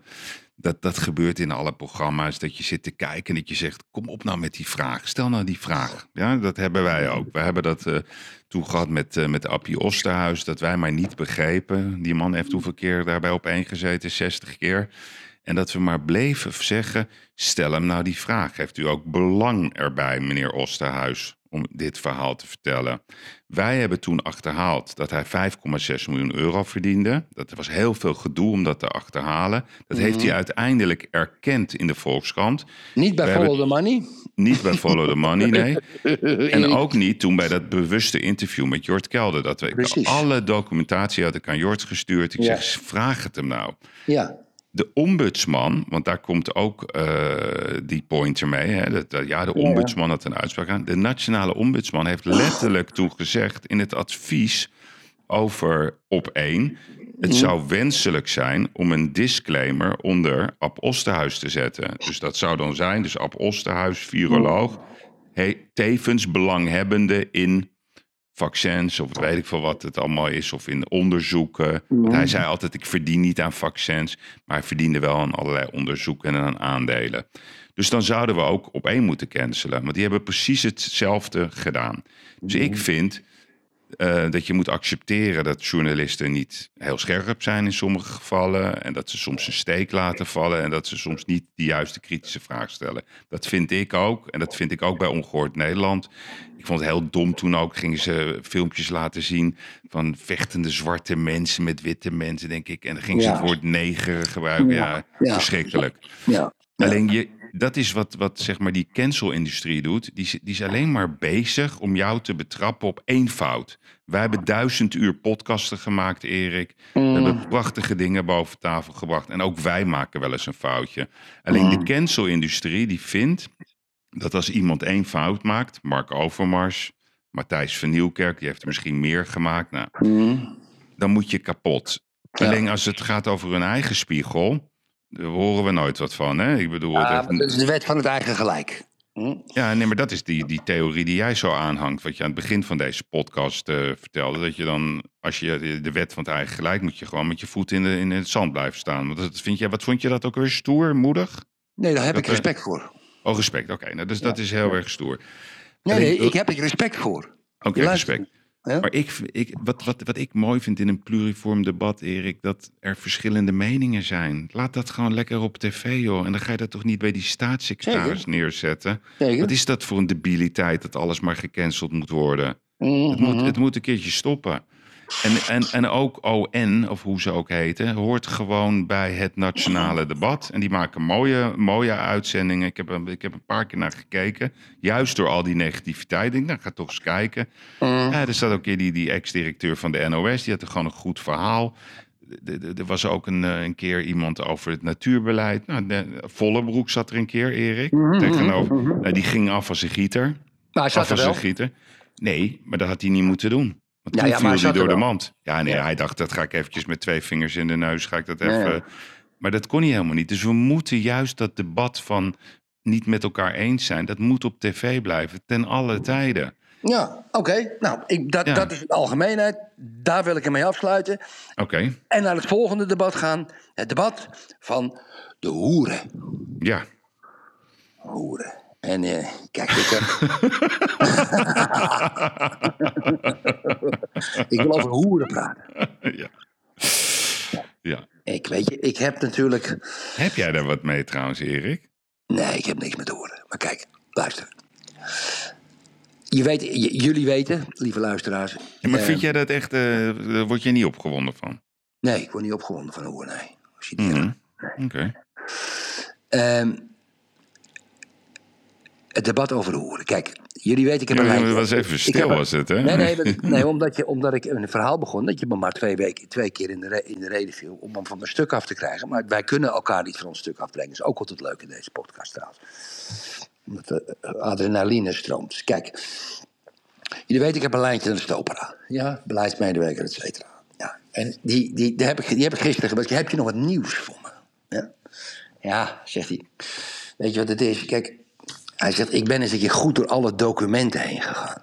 Al die adviezen, ambtenaren schrijven adviezen voor Femke Halsema en dingen. We hebben, eh, mensen in Noord zijn tegen, mensen in Zuid zijn tegen. Mijn theorie is dat ze met Oost aan het werken zijn. Goed, het is op een, op een klein industrieterreintje daar bij die, bij die, bij, bij het, dichtbij Oost, bij, bij, achter het Tropenmuseum daar een beetje. Dus er zijn er in die documenten, het is geen breaking news, maar er staan er twee hele opmerkelijke dingen. Ja? Kijk, daar wordt ook een analyse gemaakt van de, van de logistiek. Ja?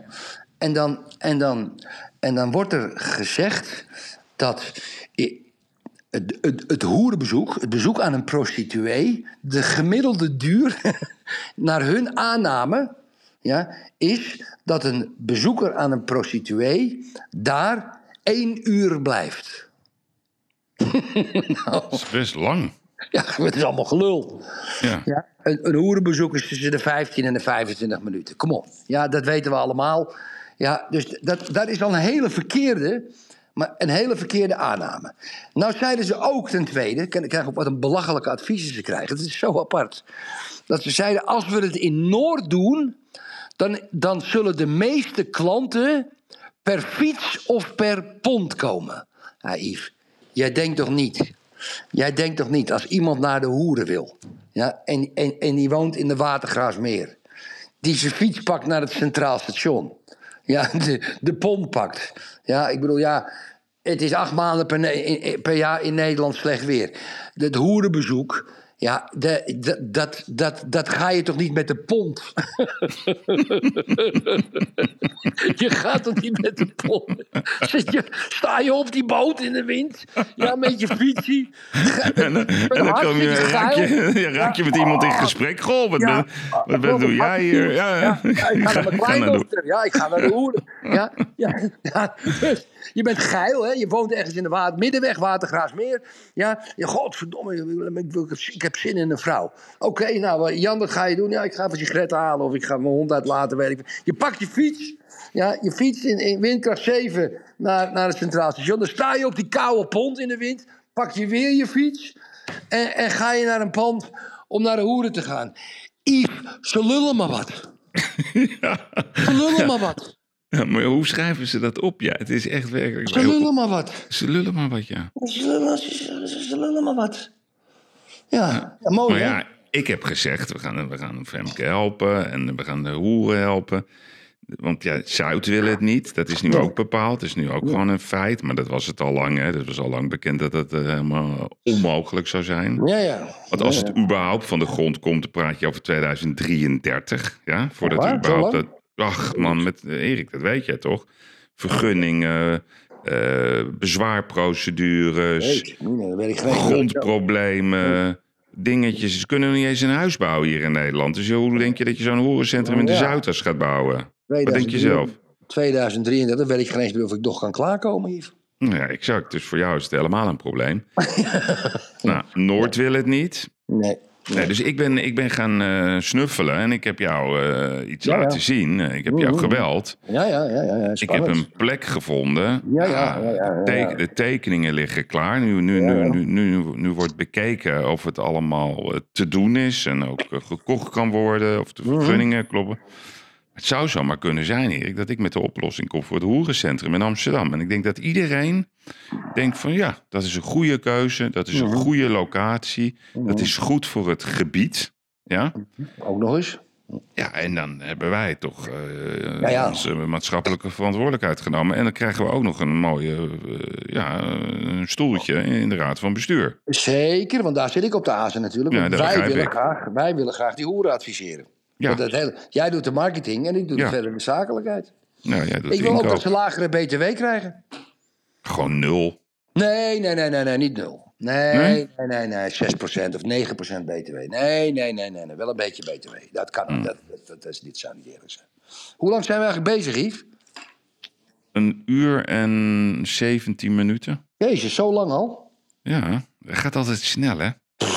Oké, zullen we over Groningen praten? Want je had het over die vuilbrief. Ja, Ja, nou. eh, kijk, dames en heren. Ehm, ga er maar even voor zitten. ga er maar even voor zitten. Kijk, weet je. Ru- die kop in de Telegraaf, die doe ik even terzijde. Rutte maakte excuses aan Groningen. 22 miljard voor de regio. Dit is onze laatste kans om het goed te doen. Nou, die, die, die, die Rutte, die Yves zo'n aardige jongen vindt. Ja, jongen. Rub it in, rub it in. Ja, nee, maar ik vind dat dus helemaal geen aardige jongen. Ik vind het een mo- mogol, vind ik het. Die kan, niks. Nou, nou, nou, nou, ja, nou. ja, ja, ja, ja, die kan helemaal niks. Die kan helemaal niks. Die, kan alleen maar, dat is een, dat is een, die moet bij het circus gaan werken. Ja, dat heb ik altijd. Maar kijk, ja, kijk, weet je, ik, ik heb er een. Ik, heb, ik denk, ik dacht, hè, ik heb het je gestuurd, Yves, eh. Ik denk, hoe kan ik nou de oplossing van Groningen in één tweet vervatten? Ik heb hem gelezen. Ja, dus ik ben op zoek gegaan. Kijk, om te beginnen, de gemiddelde huisprijs in Groningen vond ik heel hoog. Is 353.000 euro. Vond ik heel hoog. Mhm. Vond ik heel hoog. Dus, nou. Er zijn 85.000, heb ik in een tweet vervat, dames en heren. 85.000 mensen hebben meervoudige schade aan hun huis. Ja? Nou zeggen Geirat en de Vlieger, geef iedereen 500.000 euro. Ja? Dat doe je in vijf betalingen van 100.000 euro. Elk jaar voor 100.000 euro. Dat kost de staat 42,5 miljard. Niet 22, maar 42,5 miljard. Iedereen een half miljoen. Nou, de oorspronkelijke voorraad gas hè, die we hadden, was 2800 miljard kuub. Volgens de berekening van de NAM. Daar hebben we ongeveer 2300 miljard van opgestookt en verkocht. Dus er resteert nog minimaal 500 miljard kubieke meter. Dat is veel. In 2023 was de energiebelasting ongeveer 59 cent per kuub. Zeg maar even 60 cent. Dus als je dat doorrekent, dan is 500 miljard kuub in ieder geval 300 miljard belastingopbrengsten. Volgens die 60 cent. Dat is 300 miljard. Dan heb ik het nog ineens over het geld wat Nederland binnenkomt. Goed voor onze betalingsbalans. Dan heb ik het geen eens over de werkgelegenheid. Gewoon 60 cent per kuub. Is 300 miljard. Waarbij we de luttelen, ja, de luttelen, pak een beetje eh, 14,5 procent, ja, 14,1 procent. Van die 300 miljard aan de Groningers geven dat 85.000 mensen een bedrag krijgen. wat meer is dan de gemiddelde waarde van hun huis. Nou, hoe makkelijk kan je het krijgen, lieve Gaat? Ben je het met mijn calculatie eens? Nee, die, die calculatie ben ik zeg maar, dat vind ik heel lastig. Hè? Ik bedoel, de- in grote lijnen ben ik het met je eens. Laat ik het zo Grote lijnen? Welke grote lijnen? Ik, ben, ik heb alles helemaal uitgelegd, tot op de laatste komma. Ja, nee, weet ik wel. Alleen of het allemaal waar is en zo. Dan moet ik natuurlijk wel even bellen met Rudy Bauma. Ja, daar heb je gelijk in. Ja, nee, maar die, Ja, die is natuurlijk die is druk bezig met. Amerika. Ja, ja, ja. We moeten wel die feiten checken of het allemaal klopt wat je zegt. Zeker, zeker, zeker, zeker. Alleen, ik, ik zeg het nog één keer, en volgens mij heb ik het al dertig keer gezegd. Waar is het nationale debat over wat zou er gebeuren als we gewoon het gas uit de grond in Groningen gewoon blijven halen? En we leggen daar de meest moderne installaties aan. En we gaan het geld gewoon eerlijk verdelen. Op een zakelijke manier met de Groningers. En die willen heel graag naar de Champions League, Erik. Hey, want die zijn nu gedegradeerd. Dus die hebben, Zeker. echt, die hebben poen nodig. Zeker. En we maken daar gewoon een heel modern energiegebied van. Het meest moderne energiegebied van Europa. Ja, zoals, zoals, zoals we Nederlanders zijn. Terug naar de gouden eeuw. De VOC-mentaliteit. Wij, zijn- wij zijn Nederland, we zijn de beste. En ja, je hebt daar een win, winstgevend bedrijf weer er, werkelijk waar, Erik. Unbelievable. We moeten toch centjes verdienen. En je zegt tegen alle Groningers, jullie kunnen allemaal miljonair worden. Ik heb nog nooit dat debat gehoord. En wat we nu doen, ze gaan dan naar Groningen met die vuilbrief. Dat hebben ze allemaal weer, Erik, volgens mij in een maand in elkaar lopen flansen. En, en met alle ambtenaren erbij. Het was natuurlijk weer een halve boodschap. Ja, het ging alleen maar op tv.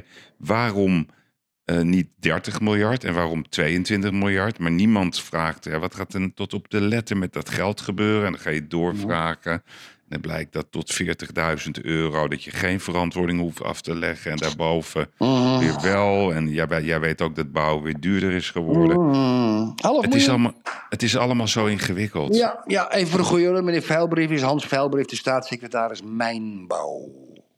Ja, van D66, hè? Van jouw club. Van jouw clubje. jouw clubje, hè? Ja, dat is de nieuwe partij van Erik de Vlieger. Ja. Maar goed, ik heb gezegd, jij hebt gesproken. Nee, maar goed, kijk, ik vind het nog eh, even gewoon serieus. Hè? Ik snap echt niet, Erik, dat we, dat we voor zo'n belangrijk thema, waar we die mensen zo lang, zo schandalig hebben behandeld, dat er toch niet wordt gekeken naar de mogelijkheid om wel door te gaan met energie eh, eh, oppompen uit de zee of waar het ook vandaan komt. Ja, ja. Ja, waarom niet, Erik? Omdat, om- omdat alles, alles wat fossiel is eruit wordt gefaseerd, behalve in China en India. Ja, en, en ja, eh, die, die Noordzee wordt natuurlijk één groot windmolenpark, waarbij ze ook gaan, onderling gaan wisselen met Engeland, met energie en Duitsland. Die, dat is niet meer te stoppen. Die Noordzee kunnen we opgeven. Hè? Dat, ik vind dat trouwens prima. Hè? Je weet, ik, vind, ik heb de Noordzee Ja. nooit wat gevonden. Maar het zou toch heerlijk zijn als je gewoon naar Engeland kon fietsen. Hè? Zo. Oh, lekker man. Opzee, Zandvoort zo erop. Hey, met, of met een brommer. Mm. Ja, Ja. heerlijk jongen. Hup, kom je zo in, in Norwich aan, ga je slapen. En Ondertussen... je kan ook, hey, Erik, het is ook de oplossing voor het hoerencentrum. Oh, in, in de Noordzee. In de Noordzee. Ja. Nou, zeg je wat. Tja, Ja. heeft ook nog niemand over gehad, hè? Nee. Een hoerencentrum in de Noordzee. In de Noordzee, hoe, kijk. hoe, hoe leuk zou dat zijn? Leuke visje erbij, lekker gezellig garnaaltjes. Nou, ben ik met je eens. Oestertje vooral, een oestertje. Waar zijn de ideeën, hè? Dat is Ja, het verhaal. dat zijn die ideeën. Yves, ik vind dat we moeten gaan afsluiten, maar we hebben wel iets feestelijks, want we hebben de honderdste, hè? Nee, die komt eraan. Oh, even één seconde, Yves. Ik ben nog even... Podcast. Even bezig. Maar Ik blijf eventjes, ja? Ja. Ja, nee, Erik, we zitten nu op, eh, ik weet het niet eens uit mijn hoofd, weet jij dat? Hoeveel Gerard en de vliegertjes we nu hebben gedaan? Nou, tussen de 95 en de 99. Even kijken hier, Gerard en de vlieger. Nee, dus dit wordt nummer al 95. We hebben Dus 8 over- miljard downloads al, hè? Dat is hetzelfde als de wereldbevolking, hè? Ja, nee, we zitten dik over de 1 miljoen downloads. Dus dat is echt Ja, u- de- uniek, hè? Ja, de is meetbare, hè? Die heb je natuurlijk allemaal via die andere kanalen. Nee, de meetbare is dat. Ja, en dan hebben we het nog niet eens over het dubbel luisteren. Hè. Ja. de- ik heb geen idee hoe dat werkt. Maar Nee, nee. het schijnt ook dat, hè, we weten van de Volendammer vishandel... dat ze met z'n zevenen luisteren. Ja. oh, de Ja. Volendammer vishandel, ja. ja, ja. Ja, ja, hoe zou het daarmee gaan? Wat vinden die van de Noordzee? Nou ja, daar ben ik natuurlijk ook heel benieuwd naar. Maar er zijn zoveel mensen die luisteren, Erik. Dat is hartstikke leuk. En ik moet ook regelmatig de groeten doen. Ik moet je ook weer de groeten doen van André Snipper. Daar was ik, eh, ben ik woensdagavond. Ah, Andreetje, Ja. nee, geweldenaar is het. Die vertelde ook nog mooie anekdotes over jou vroeger. Ja, wat dan? Wat zei hij dan? Niet voor de podcast. oh, wat geweldig, jongen. Om af en toe die verhalen te horen van jou. Ja? Ja, ja, niet normaal. We zijn nog naar hop, hoppen gegaan. Oh, dat was het lachen, jongen. Yves, wat was ik een figuur, hè? Is niet normaal. Niet normaal, hè? Ik had echt... Ik, had toch, ik, had, ik was toch nergens bang voor, hè? Hoe, het is niet normaal. Nee, je was, je was zo onverschrokken. Och, jeetje. Ja, maar jij had ook die Duracell batterijen. Waar kan je die kopen? Maar Erik, waar kan je die dingen kopen? Ik, ik was achter... Ik ging, ik, weet, je, weet je dat ik op maandag om vijf uur naar mijn werk ging? Hmm. En ging- Middags of, eh of Nee, en, deed, en dan deed ik een rondje ringweg. Ik was een oost aan het bouwen en een west aan het bouwen. En dan ging ik even naar die bouwputten. kwam ik in die bouwkeet bij Dat die... is Bij die lekker, man. Ach jongen, ach jongen. Ja, dat vind ik hier ook lekker hoor. Maar als je hier vroeg naar een bouwput gaat, zijn de bouwvakkers er nog niet. Hey, en ik ga, ik ga je nog een voorspelling doen. Oh? Ja, niet, Oh. niet een leuke voorspelling, maar eh, ik heb toch wel begrepen dat er ongelooflijk gefraudeerd is bij het GGD tijdens corona. Hoe weet je dat? Daar heb ik van binnenuit, maar ik heb, ik heb het nog niet onderzocht. Dus ik, ik zeg alleen dat ik het heb begrepen. Mm. Maar dat er, er is, er is natuurlijk bakken met geld natuurlijk naar al die centra gegaan. Dat ging maar open, open. Mm. Ja, dubbele facturen, vier keer dezelfde Nou ja. factuur. eh, het kopen van eh, vaccinatiebewijzen. Het schijnt Ja, gigantisch ja, te ja, ja, ja. Kijk, Erik, het schijnt gigantisch te zijn. Ja, er was één artikeltje in de Telegraaf een paar jaar geleden. Want ik ben gaan zoeken. Twee voormalig medewerkers van GGD Zeeland worden er vandaag te hebben gefraudeerd met vaccinatiebewijs tegen de corona. Twee vrouwen die hebben ongeveer 300 mensen die niet waren gevaccineerd wel een vaccinatiebewijs gegeven. Nou, dat zijn er maar 300. Maar dames en heren, ik denk dat ik het met Geirat eens ben. Ik denk dat het nog een behoorlijk schandaal gaat worden. Hoe er op grote schaal eh, gefraudeerd is ermee. Ja, ik ben ook een beetje corona-moe, vind je niet? Ja, ja, ja. Nee, we, we hebben ook zo weinig schandalen, toch? Ja, nee, ja, dat klopt. Dat klopt. En ja, Hugo, Er is helemaal niks. stil om En. Paul, en Paul van Vliet eh, overleden, hè, Erik? overleden, wat erg. Dat is erg. En Jerry Springer. Jerry Springer. En eh, ja, goed, gelukkig. Die had altijd van die, die, had altijd van die matpartijen in zijn Ja. uitzendingen. Het werd allemaal geregisseerd ook. Geweldig was dat om naar te kijken. Ja, ja, nou, Max gaan Hey. we weer kijken. En, Max weer in, ba in Baku, hè? Baku. Baku, Baku, Baku, Baku. Ja. In Azerbeidzjan. Ja, nee. Dus eh, lekker sportweekend eh, gaan we zien. Zondag de bekerfinale. Oh, ja? PSV Ajax. Ja, zondag. Zes uur. Ga weg. Best belangrijk hè, voor Ajax. Dat, is- want als je namelijk de beker wint, dan ben je geplaatst voor de Europa League. Ja, dat is tegenwoordig belangrijk voor Ajax. Dat Ja, wist dus dat, ja. om zes uur, zes uur. Oké, leuk. Oké. Dus nou, we oké, hebben Max. we gaan lachen. En ik ga nu, eh, ik zal de groeten doen, Erik. Ik ga zo Ja, naar eh, Annemiek. Niama. Nee, ik ga naar Niama. Ik ga mijn hartjes laten knippen. Meen je niet? Wil je er een dikke kus voor mij geven? Ja, ik heb de vorige keer jouw verhaal gehoord. Mag ik? Ik ga Ja, wel nee, wat, daar moet je niet over. Is niet aardig naar, ten, opzichte Oh. van Najib. Hè, dan moet je maar luisteren. Nee, maar Maar- dat is toch daarvoor? Ja, dat was ver daarvoor. Eh, en ik, Ja. was, eh, ik was altijd verliefd op haar een beetje. Een beetje verliefd. Ja. Een beetje. verliefd. Een beetje. een beetje verliefd. Mm. Oké, jongens. We gaan, eh, we gaan een mooi weekend tegemoet, hoop ik. Dag lieve luisteraars, have a good one. En dankjewel. Het was weer, het- Erik, het was, ik- dit was een van de beste ooit.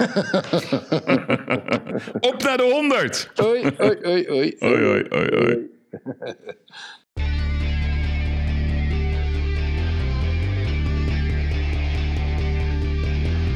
Ik moet soms wat kwijt, wat ik vind ervan. Littekens en jeuk, die koester ik maar dan.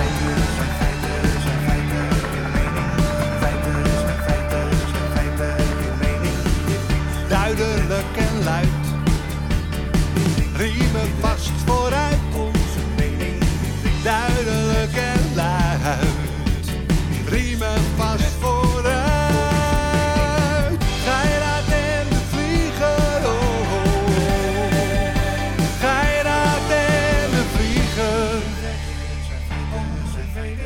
Ik moet soms wat kwijt.